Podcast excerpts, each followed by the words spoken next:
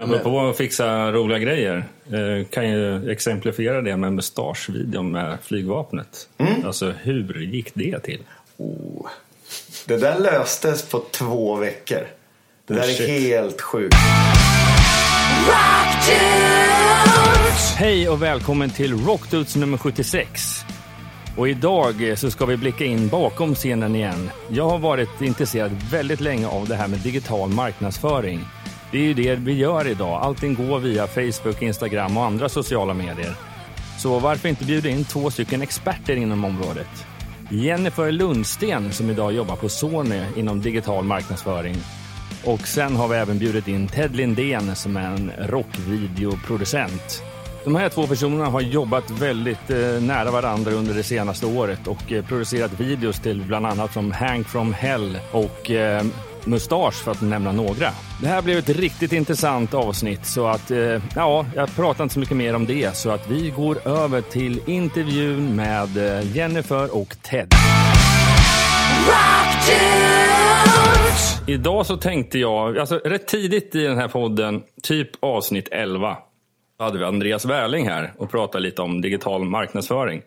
Eh, jag tänkte att vi skulle ta upp det ämnet lite igen och se lite mer praktiskt på hur man jobbar med det. Så jag tyckte det var kul att bjuda in två gäster och eh, det är Jennifer Lundsten och Ted Lindén. Börja med dig eh, Jennifer, vad, vad, vem är du? Vem är jag? Kommer från Skåne. Eh, väldigt intresserad av eh, branding och hur man eh, promotar både varumärken och artister. Så jag kände ju själv att jag skulle börja med reklambranschen. För, det var, för mig var det logiskt. Malmö hade inte så många reklambranscher men vi var ändå lite i framkant när Köpenhamn jobbade mycket med Danmark. Eh, började jobba på en reklambyrå där. Jag förstod rätt snabbt att musiken hade ändå ett större övertag. Det var hela tiden det jag gick över till. Flyttade upp till Stockholm, fick jobb här, en annan reklambyrå men med digital inriktning. Jobbade helt digitalt. Mm. Efter det så eh, blev jag kontaktad av eh, TV4 under tiden som jag jobbade där. Och frågade om jag var intresserad av en tjänst som performance marketing manager. Och då tänkte jag, ja, vad handlar det om inom tv-branschen? Men det var ju exakt samma koncept egentligen. Bara det att du var fokus på alla tv-format, jobbade med Så mycket bättre, Biggest loser, Kockarnas kamp, allt möjligt. Alltså alla tv-format vi hade. Eh, Eh, men musiken var fortfarande det jag tyckte var mest intressant och band hörde av sig till mig själv och ville att jag skulle sköta deras digitala marknadsföring, bygga deras hemsidor. Och det kändes jäkligt dumt att stå med en fot i tv-branschen och en fot i musikbranschen. Och eh, sen fick jag förfrågan om jag ville bygga upp den digitala marknadsföringen på Sony Music och då kändes det ju som en fullträff. Mm. Så där är jag idag. Den, den snabba summeringen. Ja, den snabbaste vägen. Eh, Du då Ted? Ja, shit. Ehm, jag är gammal freestyleåkare. Jag körde ju cross och sånt liksom. Så vi var ute och turnerade mycket där. Typ det här är ju tio år sedan när man var 18-19. Gjorde filmer och grejer. Det var där jag började hålla på med film. Och sen så lärde man ju känna Mustasch och flera utav de här banden. Och sen så bara festade man ju runt mellan 20-25 och gjorde ju liksom inget vettigt alls egentligen. Man knegade lite grann och så ut och kröka och stå hej och hit och dit. Sen, jag har inte gjort så jäkla mycket egentligen innan. Just med musik och allting där runt omkring. Men så var det för, vad är det, ett och ett halvt år sedan? Två år Två sedan. år sedan. Så träffade jag Jennifer och då så bara, fan jag tror jag har en idé. Nu vill jag fan satsa på det här. I och med att man hade så mycket kontakter liksom. Så då tog jag alla kontakter, slöt ihop och så såg jag vad det var för, som fattades just marknadsmässigt. Och då tycker jag just marknadsföring och filmeriet framförallt som var så här, fan det här kan man ju faktiskt göra på ett annat sätt. Och framförallt ett snabbare sätt. Och um, då drog jag igång Bullseyes. Och s- där är vi nu. Ja, och du har ju faktiskt hunnit med jäkla massa olika grejer. Det är faktiskt, ja, nu i oktober så är det ett år sedan jag gjorde första musikvideon. Vilken musikvideo var det då? Mustasch, Lowbreaker. Precis, och jag tror första gången vi träffades var ju på eh, Ömers eh, skivbolagsfest. Just det. Eh, Förra, ja, inte i år, men förra året, tioårsjubileet. Eh, Du hade precis man- köpt kameran. Ja, Ja. precis. Så det var lite en trial and error. Ja, du gjorde Ja, ja. still också för Ja. oss, inte det? Ja, det minns jag. Ja, just det. Slowmo. Ja, det var riktigt häftigt. Men men man, vad man har förstått är ju att livsstilen av rock'n'roll, det här med ut och turnera och kröka och det, Oh, ja. det har ju varit lite din grej. Det finns kvar. Ränderna har inte riktigt gått ut än. Nej. Men eh, om vi... Du har ju berättat lite Jennifer om din... eh, Ja, du har gått en utbildning nere i Malmö, började du med. Eh, Men och i och med att du hela tiden haft musiken som utgångspunkt, var det det som egentligen gjorde att du ville ja, utbilda och sen jobba med det här? Mm, för att det var, jag kände att det fanns ett behov av att när vi gick mer och mer över till streaming så fanns det också ett behov att bli starkare digitalt. Och det var ingen som hade riktigt snappat upp det. När jag pluggade så var det ju ingen digital inriktning utan det var ju marketing och branding. Och när var det här? När var det? Det var sex år sedan eller något sånt där. Fortfarande tidigt i den här social, Ja men precis. medier. Och min första kund var Nutella och de var ju helt eh, lost in space när det gällde att bygga upp sitt brand. Och då, då kunde man ju satsa all in på kreativa bitar och bara marknadsföra den här burken som de hade på bästa sätt. Och sen märkte jag att det är hur många delar som helst som går över på alla andra grejer, så som musiken och tv. Och det märkte jag framförallt på TV4 att det var ju Alltså, det är precis som att jag hade hajat grejen. Att jag vet vad det är för typ av content man behöver. Du ska vara så relevant som möjligt. Eh, du måste ha olika kreativ, olika inriktning. Tänka på att en person är inte bara någon som kanske tittar på Så mycket bättre, utan vad klär den sig i? Vad har den för andra intressen? Så jag, jag tror det handlar mycket om att jag har ett jäkla stort intresse för människor generellt. Men i, i och med att du... Är, det utifrån eh, utgångspunkten av brandingen i sig som du har hittat massa hål att fylla? Eller är det just digitalt? just digitalt. För att det var en helt ny marknad för 6-7 år sedan. Alltså det var, frågar man någon om hur man marknadsför på Facebook, hur man marknadsför på ja, Instagram är ju knappt ens så gammalt. Och då var det ingen som visste riktigt. Och plattformarna utvecklas ju varje dag. Ja. Det händer ju nya saker hela tiden. Jag har en fråga. Ja. Vad är den bästa Nutellan? Den bästa Nutellan? ja. Du, jag antar att du är Nutella-expert vid det här laget. Nej, jag är inte Nutella-expert. Men eh, The All Classic, den gamla. Det känns som att Nutella har tappat lite grann för att jag är uppvuxen när jag var yngre.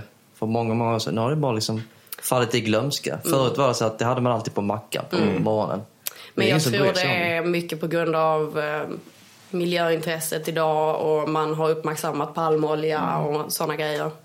Och jag tror det påverkar deras brand och det vet jag vi började med att jobba med redan då. Men sen slutade jag i den övergången men det är mycket sånt som har påverkat varumärket. Konkret sett, eh, har du några saker du skulle kunna berätta? Vad är det som gör att... Jag antar att eh, ja, många brands har jobbat med traditionell marknadsföring. Vad är de stora skillnaderna mellan det traditionella, det vill säga att det mera, kanske mera fysiska, än det di- digitala? Alltså mycket handlar om att för min del att jag kan bevisa konkret i siffror hur allting ser ut. Hur har publiken svarat på det här som vi har skickat ut? Um, utomhusannonsering blir väldigt mycket svårare för att du bara kan uppskatta siffror. Medan jag har data på hur gamla var de, vilken annan demografisk inriktning var det? Var det 60% män, 40% kvinnor? Um, vad tycker de mest om att göra? Vad bär de för, för kläder? Vad lyssnar de på för musik? Um, det jag tycker det är jäkligt intressant med det här long term perspektivet att du ser ifrån vi ska lansera en låt och sen följa de här människorna så långt som det går. Att okej, vad konsumerar de mer? Um, var går de till konserterna? Går de inte till konserterna? Kan vi möta dem med en annan artist och de tycker den artisten också är bra? Så det är mycket sånt. Så att, Som också är Typ- lite läskigt. ja, jag Att vet, du jag är lite har sån läskig. koll på alla. Ja. Jo, Jag det, är den där cookie-varningen. du gillar inte riktigt den här GDPR-hetsen som har varit? Ja, nej, inte alls. Alltså, det- e-mailadresser var ju en jäkla stor grej för oss Ja. att återmarknadsföra med.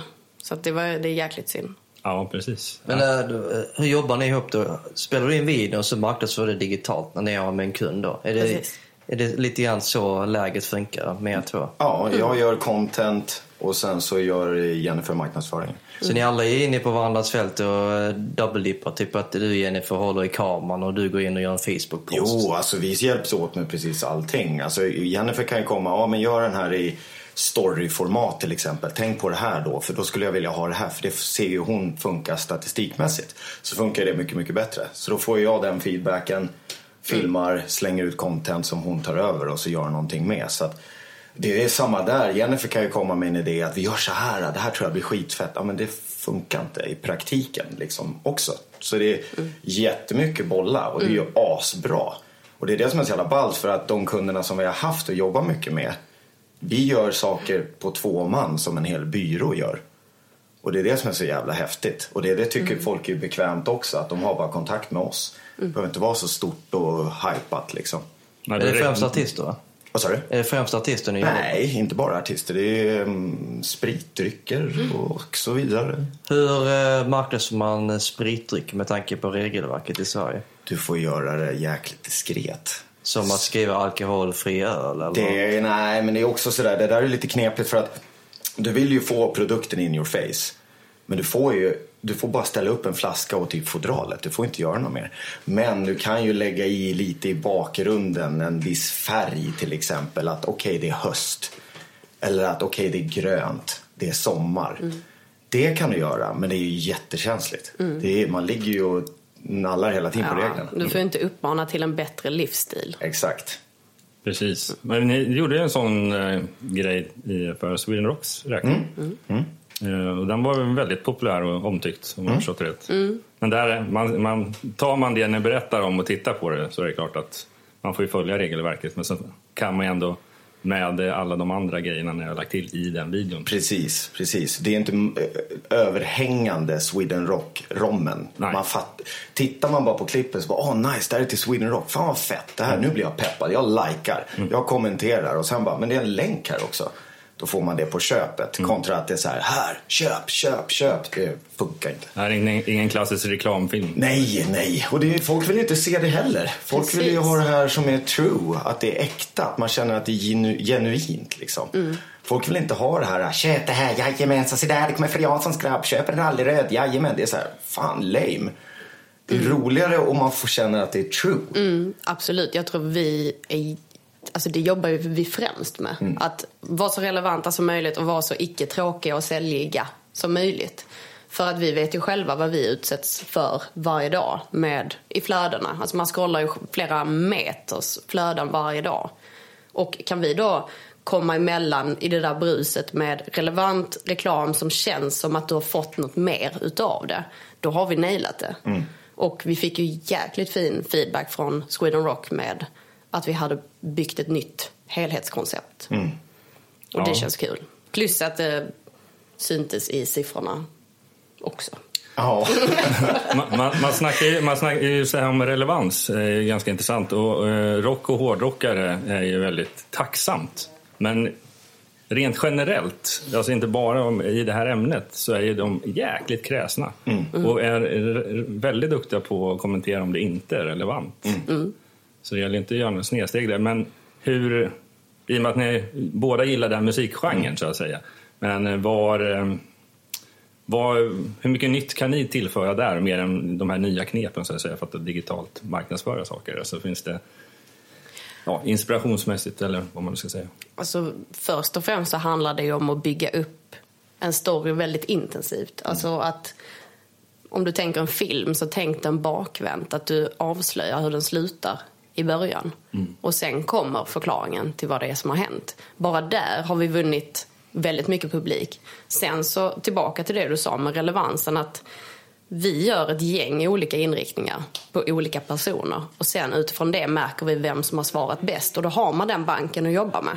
Plus att de då, fult uttryck, men utsätts för den här kampanjen som är uppbyggd på ett helt annat sätt än en traditionell marknadsföring. Mm. och sen också det här, tänk bara ett praktexempel. Det var ju, jag åkte upp och gjorde en musikvideo uppe i Norrland åt ett dödsband. Ehm, och de kör ju liksom häng i döds.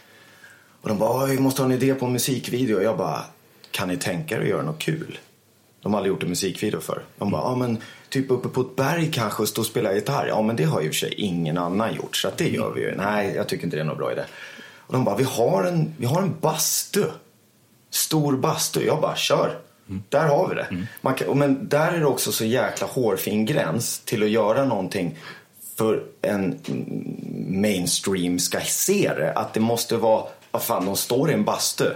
Men det är ändå snyggt. Och det är med glimten i ögat men ändå true. Och det där gränsen är ju så jäkla svår. För det är så här lätt att det bara vänder över till att bli, nej det här är alldeles för lökigt. Vad gör man i bastun förutom basta då? Ja men det är det, man får ju bygga upp en story varför de ska spela i en bastu. Alltså de spelar i bastun?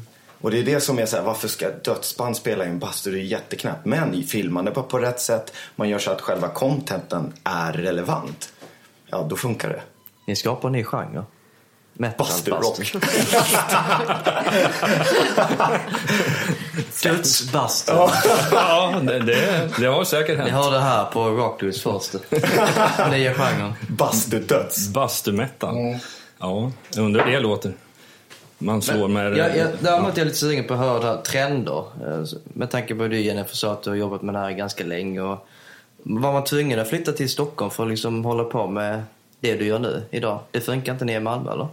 Alltså just med musiken. Mm. För vi har inte tillräckligt stora bolag där nere. Och visst, jag hade kunnat åka över till Köpenhamn. För att de var ju samma. Alltså det sköna med det här är ju att alla har varit i samma digitala utmaning samtidigt. För att allting har kommit på samma gång. Men jag känner att Stockholm är ändå i framkant när det gäller att eh, Det var, det var pappas första reaktion, att du flyttar på fel håll. Han tyckte jag skulle flytta söderut ju. Om jag, för han tycker att utvecklingen är söderut. Men han har ju också märkt att det är här vi har möjlighet att expandera, ha bra kontaktnät, alla jobbar i, närheten av varandra, har möjlighet att göra grejer väldigt lätt. Um, och som sagt, alla var i samma utmaning samtidigt så jag kände ingen skillnad i att flytta hit Nej. kontra någon annanstans. Men eh, ja, precis, det är ändå väldigt intressant. Eh, Hur har du hunnit skaffa en uppfattning skillnader mellan olika länder i Europa och så kanske man sneglar bort mot USA? Ja, Alltså mognadsmässigt då, hur långt har man kommit i ja utvecklingen? gud. Alltså det är bara att titta på. Jag tycker det lättaste att kolla på är ju hemsidor.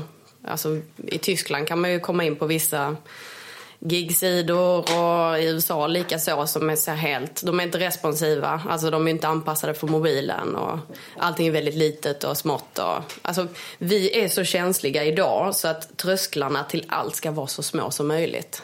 Alltså vi vill att grejer ska hända på en till tre sekunder. Och gör det inte det så är vi, Skit man i det. då är vi fucked.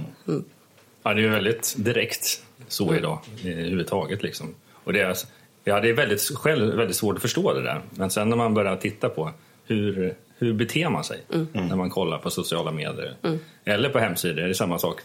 Framförallt när min fru hon är extremt negativ till teknik rent allmänt. Så surfar hon in på en sida som är inte anpassad för henne, det vill säga att åtminstone responsiv, då är det bara hej då, liksom. jag köper den någon annanstans. Ja, ja visst. Det är samma du ko- kollar på ett klipp på Facebook och så kommer det upp en annons mitt i. Då skiter man ju och kollar vidare. Ja, ja. Då tar man ju bort. Ja, sånt är jag jäkligt noga med. Att man inte ska hamna på, alltså använda de annonsformaten som rent av är störiga. Alltså som förstör din upplevelse. Men det går ju också över på, på det som du producerar. Att, att man ska vara intensiv i det som man vill förmedla. Och sen kan storyn komma. Alltså vissa har ju jätte rent av lökiga intron till sina klipp bara för att få folk att stanna kvar och fatta att det här vill jag kolla på. Men det skiljer sig också land till land. Tyskar reagerar på ett sätt kontra oss i Sverige och speciellt i Danmark är man helt annorlunda jämfört med svenskar i vad man reagerar på online. Norrmän likaså. De är väldigt begränsade med vad de kollar på. Precis. Det är ändå rätt intressant. Jag bara kom att tänka på just det där med snabbheten. Liksom om man nu tar det i musikens format som det är och kollar på typ Dennis Pop och Max Martin. Redan i mitten på 90-talet så var ju de nästan trendbrytande med att skapa det, den här 3-5 sekunders regeln. Att hooka folk på låten liksom direkt. Och sen därifrån till det vi är idag, det är inte så många andra ställen man egentligen anammade det förrän nu. Till exempel med reklamfilm eller liknande. Ja, jag tror det där kommer slå tillbaks. Alltså, tänk dig tio år framåt. Det ska vara längre. Det blir för, man, man blir matad för Ah. fort med för mycket. Jag Liksom, tror det kommer också. bli knepigt. Du, hur, hur ska du kunna nå ut på ett bra sätt om tio år? Ja, det är som tur är så vet vi inte riktigt vad det är för spelregler då. Nej men det är ju just det här med att tiden sänks ju hela tiden på att du ska fastna för någonting. Alltså jag tänker då contentmässigt och allting sånt. Den sänks hela tiden. Den är ju nere på fan närmare en sekund nu för att du, när du scrollar för att du ska, åh det här såg ballt ut. På en sekund. Hur kommer det se ut längre fram? Hur ska du kunna... Skrämmande när man börjar tänka. Ja, det måste ju lite göra som den gamla traditionella Coca-Cola-reklamen på film. Gjordes de det här bara- att den jobbar med det undermedvetna. Att du scrollar du ser någonting fast du egentligen inte är medveten om det. Det är det jag gör. Ja. Det är.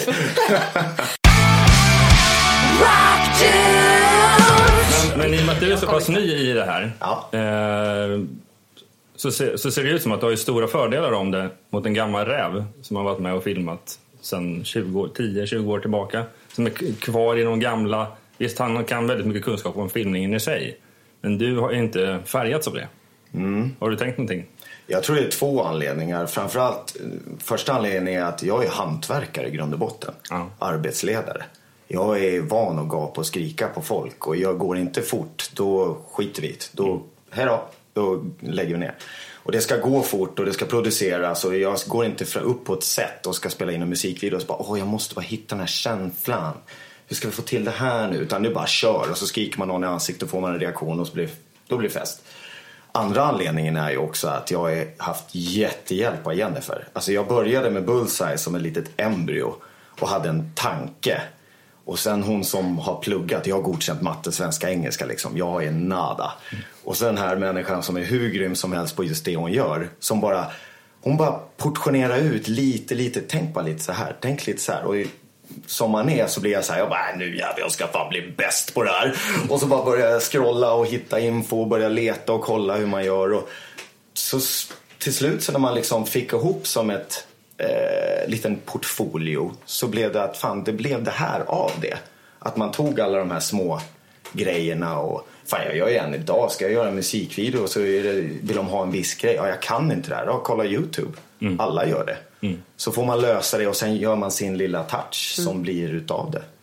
Ja, Så det där med att söka upp informationen, det har ju, trots att som jag, jag jobbar inom IT-branschen och är högt, högt aktad inom mitt gebit så att säga, men utan att googla och youtuba och allt sånt där, det, det, det gör ju alla idag. Ja, det är klart att mycket kan man i bakhuvudet. Skillnaden är att i min situation är att jag vet vilken information som är relevant till skillnad från en yngre människa. Precis, precis. Eh, Men Visst. det är som ett uppslagsverk.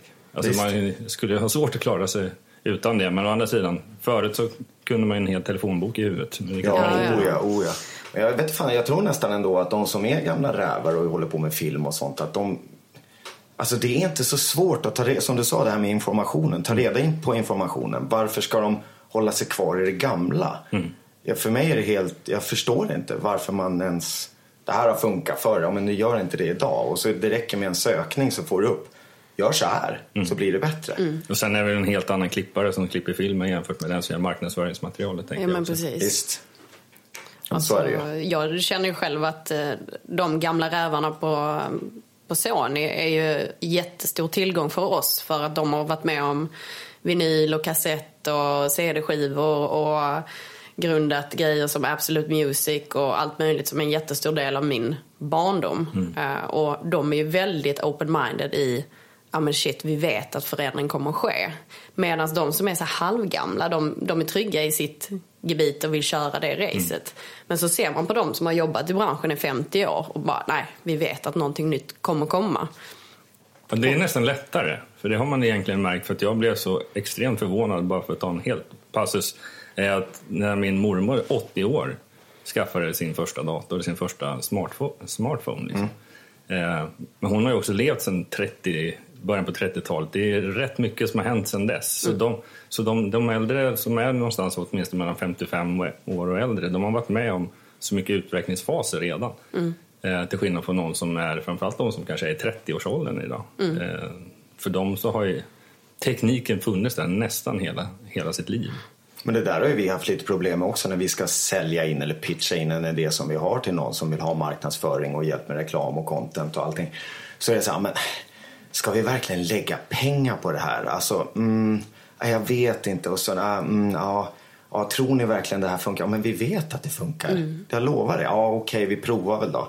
Och så ökar försäljning med 300 procent. Det är liksom så här, så, så här är det. Ja. Det, det. Det här är det nya. Mm, precis, och vi har fakta på det. Ja, med allt i siffror. Till, Stati- all ja, statistik. Mm. all statistik har vi. Och jag tycker också en utmaning kan vara att de vill ha med väldigt mycket i korta teasers och sånt där. Mm. Alltså att det ska vara, vi vill ha med den här informationen och det ska vara den här känslan och det ska det och det och det. Mm. Men vi vet ju att vi måste hooka folk på mindre än tre sekunder.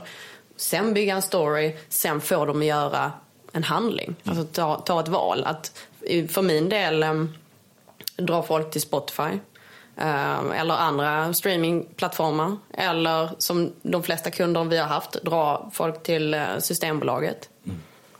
Och då måste du ha byggt upp en jäkla bra pitch. Ja, det gäller inte bara att göra den där första tre sekunders grejen utan att du måste ha två, tre, fyra, fem Precis. saker som händer sen. Som känns genuint och true. Ja. Det är samma, och går tillbaks hela tiden. Det är som musik idag också. Det måste ju vara true. Det är det viktigaste. För jag tror ni, ni är ju mer experter på det där än vad jag är kanske. Men förr, det var som att det hypades upp något så grönjävligt, typ 00. Att det skulle bara vara så här stort och bara, och bara så här jättefett. Nu uppskattar nästan folk mer, som jag har förstått det, om, som man ser också musikvideomässigt, det här lilla och enkla. För att det är äkta. Än att det ska vara den här stora produktionen och bara eld och grejer. Så bara, men vad fan, vi kan ju ta på människorna idag. Det kunde man inte då. Nej. Så att det blir en helt annan um, Ja, för, vinkel. för, försäljningen av skivor och sånt där påverkar väl såklart att då kunde de ju slänga iväg ett antal miljoner på en musikvideo. Så är det ju också. Idag. Men, men å andra sidan kunde man ju betala två miljoner och göra den minimalistisk ändå fast de hade massa andra detaljer säkert. Visst, liksom. visst. Men det som ändå får, ja, det är som, som sagt det är fortfarande ganska tidigt i den här utvecklingen känns det som. För att när man tittar på hur mycket som pumpas ut via den bara den linjära reklambiten. Ja, det finns ju fortfarande så himla många så relativt nya företag som fortfarande satsar så otroligt mycket pengar där fortfarande. Utan att ha någon kontroll på vad de når ut. Ehm, är det någonting som du till vardags får jobba med också, liksom, att Alltså, övertyga människor? Nej, men jag har ju suttit på båda ändar. För, för på TV4 var det ju att vi skulle ju också få in de som ville köpa vår TV-reklam, alltså spacet på vår, vår kanal. Eh, och det gjorde ju många. Det finns ju fortfarande ett intresse att göra det. Eh, men på Sony har ju vi verkligen börjat tänka annorlunda och tänka digitalt. För att vi märker att där får vi verkligen resultat. Plus att vi vill ju driva till någonting som också är digitalt. Och då, då lönar det sig mer att vara där, där våra fans är. För att man måste kunna motivera varför man har gjort det man har gjort.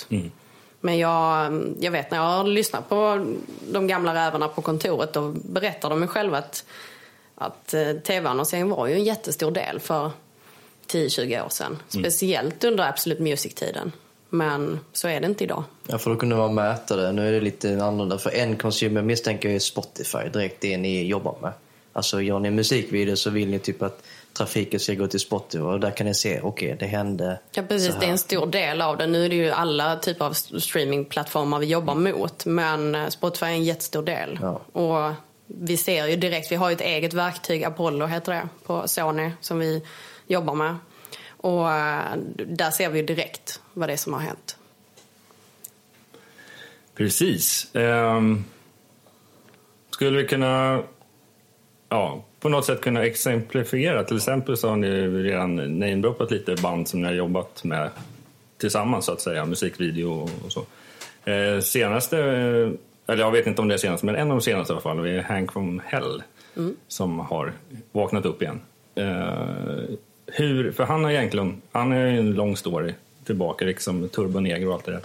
Men vad, hur har samtalen gått där? Eller har han medverkat någonting i ert tänk så att säga? Har ni lärt honom eh, hur man jobbar idag? Alltså, eller? det, den människan har ju så himla mycket i sig själv också. Ja, ja. Att han, han behöver ju bara Jag gillar prata. grävlingar. Ja, alltså, Han har content han, han är ju ett levande content. Alltså det är helt crazy. Eh, så att för, för min del marknadsmässigt har det varit jäkligt skönt. Och sen så med materialet. Det, det är ju precis som att, för det första så visste du exakt vad du skulle göra när du filmar. För Ted är ju både skräddarsydd på vad man ska ha digitalt men också när du kör dina videos. Och sen så kommer vi med alla, vi, jag filmar ju behind the scenes material under eh, videoinspelningen. Och det är också sånt som man kan nyttja idag. Och jag tycker man ska nyttja mer för att du ska vara transparent but only so far. Du ska inte avslöja allt om artisten men du ska ändå visa vad det är som har hänt. Och Hank är ju helt fantastisk. Han, han, eh, han kan bara kläcka ur sig vad som helst mitt under ett set och han, han tänker inte ens på att han har sagt det. Nej. Och det är nog det bästa, att det kommer bara i honom själv. Och nu med inför um, första släppet med Bum to Bum så var vi väldigt medvetna om att vi vill inte bara vi vill verkligen inte bara rikta mot turbo. För att vi vet att det finns så mycket andra fans som kan uppskatta den här typen av musik. Så att det har vi nästan lagt lite på hyllan att rikta mot den typen av publik. Den får komma av sig själv. Och det är jättekul att det har blivit så jäkla stark respons ändå.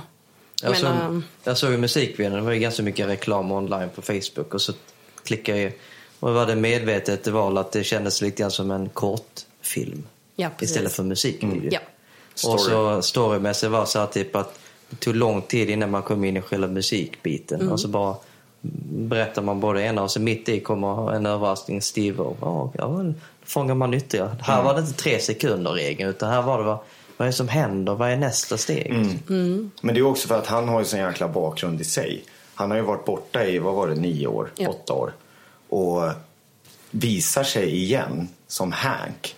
Bara det är ju att då vill ju folk titta. Då har du i alla fall fångat de riktiga fansen på en gång. Då kan du dra ut på det. Men sen precis som du säger så kommer Steve upp helt plötsligt. Och det är också true. För de hade ju mycket att göra med Jackass back in the days. Så då är det ju äkta bara det. Och sen kommer käftsmäll och så blir det en riktig performancevideo med krossar och grejer. Så. Hur mycket av det hade ni att säga till om? Men vi ska ta in det här gamla sedan med Jackass-tiden. Släng in Steve eller var det hans idé? Eller? Det var väl han som kläckte det. För han hade ju, han hade ju haft lite kontakt med Steve-O. Han var ju egentligen den enda som hade haft kontakt med Steve-O så här efter och sånt. Snacka lite grann och sånt bara. Och sen drog han väl iväg någon mest där och bara, vill du vara med? Yeah dude! Eller yeah dude! Awesome!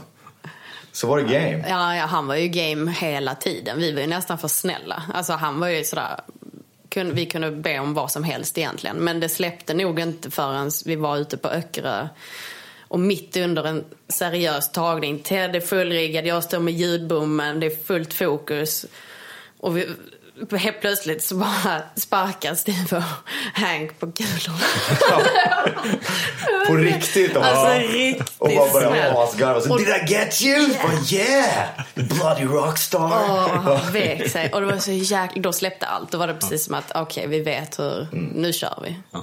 Men eh, inför, jag kommer att tänka på det nu när vi pratar om uppbyggnaden inför Bum to Bum så var det ju, släppte vi ju teasers också som var jäkligt kryptiska med så här, lite radiobrus i och sånt reggade ju folk också bara oh what's going on.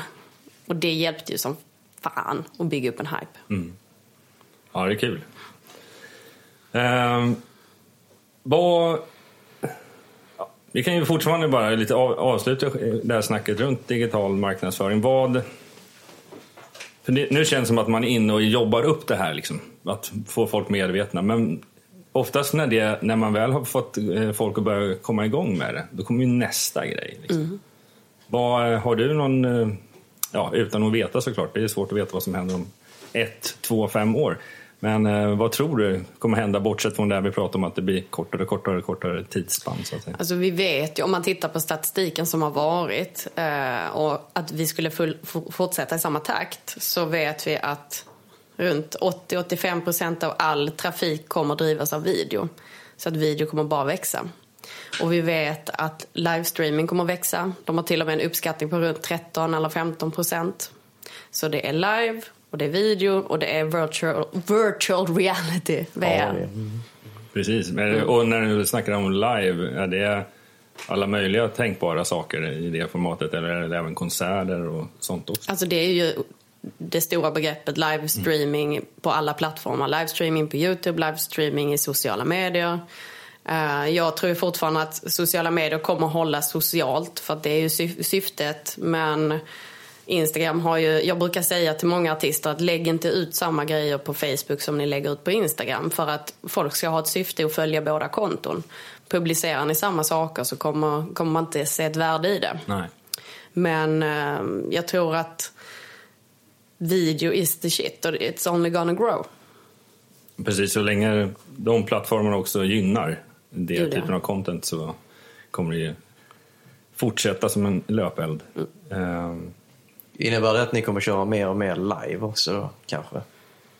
Alltså jag, jag skulle gärna se att man gör mer live och gör det snyggt. Alltså man kanske bygger en story precis som innan eh, när man har köpt någon eh, DVD om något band man gillar. Jag är ett stort Sabbath-fan. Jag älskar ju de här pre-concert-klippen som man gör.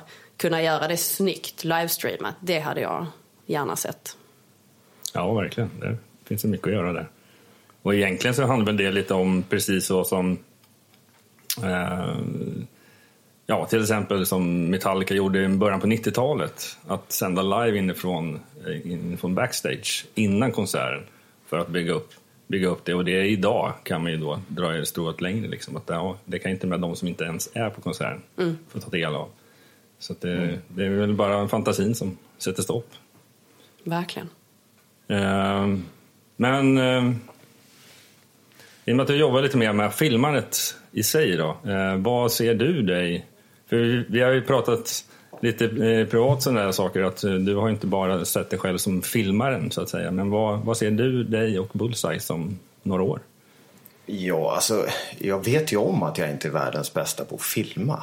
Alltså det sticker jag inte under stolen med. Och någon frågar mig så här, "Ah, vad är det för objektiv på den där? Jag bara, jag måste kolla. Alltså jag är inte någon freak så här och bara, "Ah, det här ser jag ballt. Så att jag, är inte, alltså, jag vet ju att marknaden finns där. Men, och då, i och med att man är solo så får man göra allt själv. Men målet är ju egentligen att jag är ju mera den som drar ihop hela projektet. Jag kan ju fixa en helikopter och du vet såna här, allt runt omkring. Det är min starka sida. Så jag hade ju mera, jag hade velat bara directa och haft gubbar som filmar som man kan lita på som gör exakt det jag vill. Producent slash regissör så att säga. Precis, precis. Och framförallt lägga mer energi på hela projektet, allting runt omkring. Att pyron ska funka, att det ska vara där och det ska komma in en helikopter här och stå och skrika och gapa. För det är det som jag tycker är kul. Men nu får man göra det samtidigt som man håller i kameran. Och då blir det så här, man är ju bara en människa, man kan inte göra allt samtidigt. Nej, och det bara finns 24 timmar på dygnet. Precis, så det är jäkligt mycket att göra. Fan, det här året har varit helt, helt jävla magiskt egentligen. Jag har ju suttit fram till 12, 1, 2, 3 varje natt och så upp klockan 6 och så bara köra igen. Liksom. Men ja, det är därför man har hunnit spotta ut ett par videos och allting runt omkring. Men apropå att fixa roliga grejer, eh, kan ju exemplifiera det med mustaschvideon med flygvapnet. Alltså hur gick det till? Oh. Det där löstes på två veckor. Det där är helt sjukt. För jag var ju med som assisterande turnéledare med mustasch på turné. Då. Och så eh, var vi nere i Trollhättan och så träffade vi på en kille som David säger så här. Han bara, fan vill ni kolla på JAS-plan? Och jag bara, yeah, fan coolt. Ja, vi kan åka dit. Det är en bit härifrån så här. Och jag bara, men fan, vi har ju mat om en timme, vi hinner ju inte. Nej, okej, ja, men han kommer in, han står på lista i alla fall. Du kommer få träffa honom sen. Erik heter han. Så, ja, okej. Så kom han dit och så blev vi lite fulla där på efterfest och sånt. Och så hör jag Erik bara så åh fan, kan inte, kan inte ni spela på flygvapnet liksom? Och så, ja, sådär. Och David han bara, nej, nej det går inte. Det är Live Nation och allt. Det kostar hur mycket som helst. Det går inte. Ah, okej. Och Men jag hör det där så jag bara, hmm. Vad fan, kan vi inte spela in en musikvideo där då? Och han Erik han bara, ja för fan skitballt, lätt. Och sen dagen efter så bara drog allt igång. Och så slutade det med att det ringer folk från så här, vad är det här för jävla nummer? Så bara, oh, hallå det är pip, pip, pip, eh, Försvarsmakten. Mm. Jag bara, eh, hej, Eh, Ted heter jag, tjena. Ja, vad handlar den här låten om då? Och så får man förklara där och grejer. Men allt, de gjorde alltså ett uppdrag just för oss när vi är där som hette liksom Mustasch typ.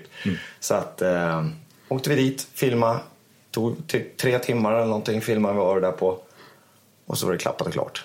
Ja, det är så häftigt egentligen. Ja. Flygvapnet fick ut sitt budskap också, eller hur? De Precis. säga win-win. Det var ju det de ville, för de har, ju- som de sa, de har ju haft flera band som har frågat just Försvarsmakten och flygvapnet om, om de kunde göra en sån här grej. Men Mustasch stod dem så jäkla nära hjärtat. Så när Mustasch kom på tal så sa ja! De har ju spelat här på Försvarsmaktens dag här på Gärdet och lite sådana grejer också. Så det, de stod väldigt nära. Och alla diggar ju Mustasch, inte alla såklart, men många i Försvarsmakten gillar just den typ av genren. Då, då. Så det var ju win-win och det var ju som de sa, det här är ju bästa reklamfilmen för flygvapnet ever. Till och med Saab hörde väl av sig, eller dela i alla fall. Ja, Saab och sa delade. att det här var amazing. Mm. Alltså det var jättekul. Det var skitroligt. Hur känns det att Försvarsmakten är rockers? Känns det så här lite, aha, mm, känns tryggt? Det gör det. Jag, det, gör, det är fan sant. Jag, tyck, jag tycker det. Jag tycker det är grymt. Hellre det än att de lyssnar på en jävla pop och sitter där och bara haha, ni ska skjuta Jag kan det. jag tänker mig Försvarsmakten sitter och lyssnar på ABBA. Fast å andra sidan, nu känns det tryggare att lyssna på Mustasch. Helt klart. Eller det bästa är ju Clawfinger, Biggest the Best om de lyssnar på. Så det blir lite ös. Ja, Kommer där i tanksen och lyssnar på Biggest the Best. Då jävlar. Ja, det, fanns, det finns ju ställen i världen där man använder hårdrock som terror också. Ja, jo. True. True. Det finns båda Ska vi gå in där också? Ja. Yes, du var på väg att säga någonting förut. Ja, jag tänkte angående teamet, det säger vi pratar om Borsen som ett par Alltså, då är planen att du ska levla upp lite grann som director och ta in fler folk. Och för, förmodligen att företaget ska bli större och ännu fetare videos. Så. Ja, det är ju målet. Men problemet är ju också att det är ju svårt med budget. Det är ju det som styr allting. Och det är därför man har fått kört allt själv. För att man har inte råd att ta in någon annan och sådana grejer också. Men man måste ju börja någonstans. Och jobbar man arslet av sig och verkligen visar framfötterna överallt så kommer det ju förr eller senare med någonting. Vad händer om du... Jag antar att det här har hänt någon gång. Du har värsta idén, men du har den här budgeten. Vad gör du för att kunna uppnå det? Mutar folk. Är det mycket så här tjänster antar Oh ja, hela tiden. Oh ja, det är alltid någon som känner någon som känner någon och det är nog min största... Ja, ni som lyssnar på det här, passa vad ni säger för någonting. För det kan ju vara verkligen så här att man... Jag hörde på en fest att ja, jag är smed och svetsar aluminium och så tänker inte jag mer på det och så tar det tre år så bara fan jag skulle behöva svetsa en sån här grej aluminium. Kände inte du han Kalle som höll på med det? Jo, får jag hans nummer. Och det är så det funkar. Alltså det är samma som på Sony. Är det någon som känner någon som har en sån här? Ja, jag har en kompis som har en kompis pappa som har si. Det är så det funkar hela tiden. Och det är det som är ganska så, man tänker rock-Sverige. För utomstående är så här, oh my god, det är så stort och det är bolag. Men alla känner ju alla. Det är Ja, dammen är ju extremt ja, det är, liten. Oh ja, Det är en plaskdamm. oh Ja, alltså. det är en plaskdamm, ja, det ja. är det. det är Så så det är ju, litet. det är väl, jag tycker att det är bra på ett sätt för det är väldigt lätt att nå fram till det man vill och, och få tag i saker och hjälp. Och, men det är ju gentjänster, man får jobba åt andra håll också. Sen har du ett jäkligt gammalt nätverk också. Sen Mushas Metal och allt det där. Du Ja. tar ju vara på dina kontakter. Det är det som är så jäkla bra nu.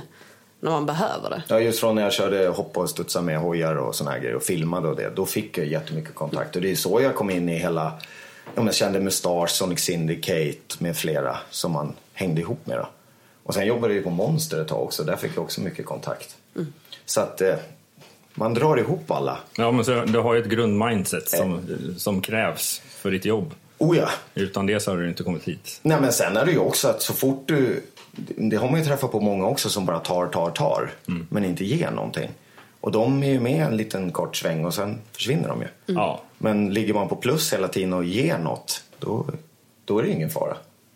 Nej, men det är just det där att det handlar ju mycket om timing också i, i sin livssituation eller någonting. Oh ja. Och nu har du ett perfekt läge att göra det du gör. Jag får intryck att det är väldigt mycket spontant och oftast det som leder till en skitbra story och ändresultat. Medan Jennifer, du kom från reklambyrå-hållet, att det är förmodligen ganska mycket helt tvärtom. Powerpoint-presentationer. Precis, det är därför vi kompletterar varandra väldigt bra. Ted bara, jag vill göra det nu, jag vill göra det nu. Jag bara, kan tar vi- sån tid, ja. Kan vi titta igenom det här och det här först? Bara, nej! Men, men det löser sig. Och du har blivit lite mer tålmodig. Fast vi möts. Lite, Vi möts. Jag har också blivit mycket mer flexibel. Men Hon har jag, blivit snabbare. Jag har blivit Nej. snabb. Men du tycker fortfarande jag är långsam. men det är sant. Alltså jag kommer från det här, okej vilken strategi ska vi ha? Varför har vi det? Vilka pengar jobbar vi med? Medan du då kan slänga in då en he- helikopter och en pool och 10-20 pers på en eftermiddag. Och då är man så här, okej nu, nu står Ted där med hela artilleriet. Hur, hur ska vi göra? Och det är ju skithäftigt. I love it. Precis. Så att jag, har- vi, vi du- kompletterar varandra. Du behöver inte försvara dig. Jag gör, jag gör det nu. Ja, men det är faktiskt sant, för jag är ju så, jag drar ihop det på nolltid och bara kör Mm. hårt som satan. Men sen så är det så bra att ha någon på sidan som bara, har du tänkt på det här också? För att jag är ju bara Mm. rakt fram, fullt ös och sen så är det någon som ryker på sidan, oh, sorry jag plockar upp dig sen, jag ska bara göra klart. Mm. Så är Jennifer där som drar lite i tröjan och bara, hörru, tänk på det här också. Ja, ja, jag ska. Plockar upp de här människorna. Ja, som det är hon som plockar upp dem som slår omkull. Yin och yang personifierad. Ja, Ja, verkligen. verkligen. Vad kul! Det här har varit extremt intressant. Jag har varit nyfiken på det här eh, jättelänge och försöker lära mig. För, för varenda gång man pratar med personer som er, som är framåt eh, för ens egna eh, vidarekommande också. Så eh, egentligen skulle vi kunna runda av där. Så, All right. så vi tackar så jättemycket för att ni kunde komma hit och spela in det här avsnittet. Tack för att Tack du kom. själva. Ja, nu ska jag ta en öl. Bra! Skål, Skål på det! Skål! Tack kära lyssnare för att ni har lyssnat på Rockdudes 76 som handlar om digital marknadsföring. Ja, Jennifer och Ted, ja vilket team! Ja, det är lite det som krävs. Två stycken personer som verkligen brinner för sin sak. Och vilka stories som det här med mustaschvideon med flygvapnet. Helt sjukt alltså att man kan få till sådana häftiga grejer på så kort varsel. Ja, och sen Hank from Hell. Ja, vad ska man säga om den karln? Känns som att han var ganska lättproducerad. Eller rätt sagt, regissören kanske bara får hänga med på alla upptåg som han pysslar med. Vi riktar såklart ett stort tack till Jennifer och Ted som tog sig tid och kom till vår studio och eh, pratade med oss. Och hoppas ni har tyckt det här var ett riktigt kul och informativt avsnitt. Vi vill såklart att ni följer oss på sociala medier som Facebook, Twitter, Instagram och Youtube. Ni finner oss där på Rockdudespodden. Gå gärna in på Facebook och skriv en kommentar vad ni tycker om det här avsnittet eller vad ni tycker om podcasten i stort. Vi vill gärna att ni fortsätter att skicka in förslag på kommande gäster eller kommande ämnen i vår podcast Rockdudes. Antingen går ni in på Facebook och skickar ett mess där eller så kan ni skicka det till rd rockdudes.se. Ja, gott folk. Det här var alltså Rockdudes 76 med mig, Jonas Löv och Ömer Akai. Gingen är inspelad av Jonas Hermansson, Peter Månsson och Mia Coolheart. Om två veckor, då släpper vi ett nytt avsnitt, Rockdus 77. Och vad ska man säga där? Då ska vi faktiskt få träffa en riktigt het låtskrivare och producent. Kan väl säga att han har skrivit låtar till Icona Pop och Robin för att nämna några. Det kommer bli ett riktigt häftigt avsnitt så om två veckor då hörs vi igen. Och fram tills dess, Rock on! Rock tunes!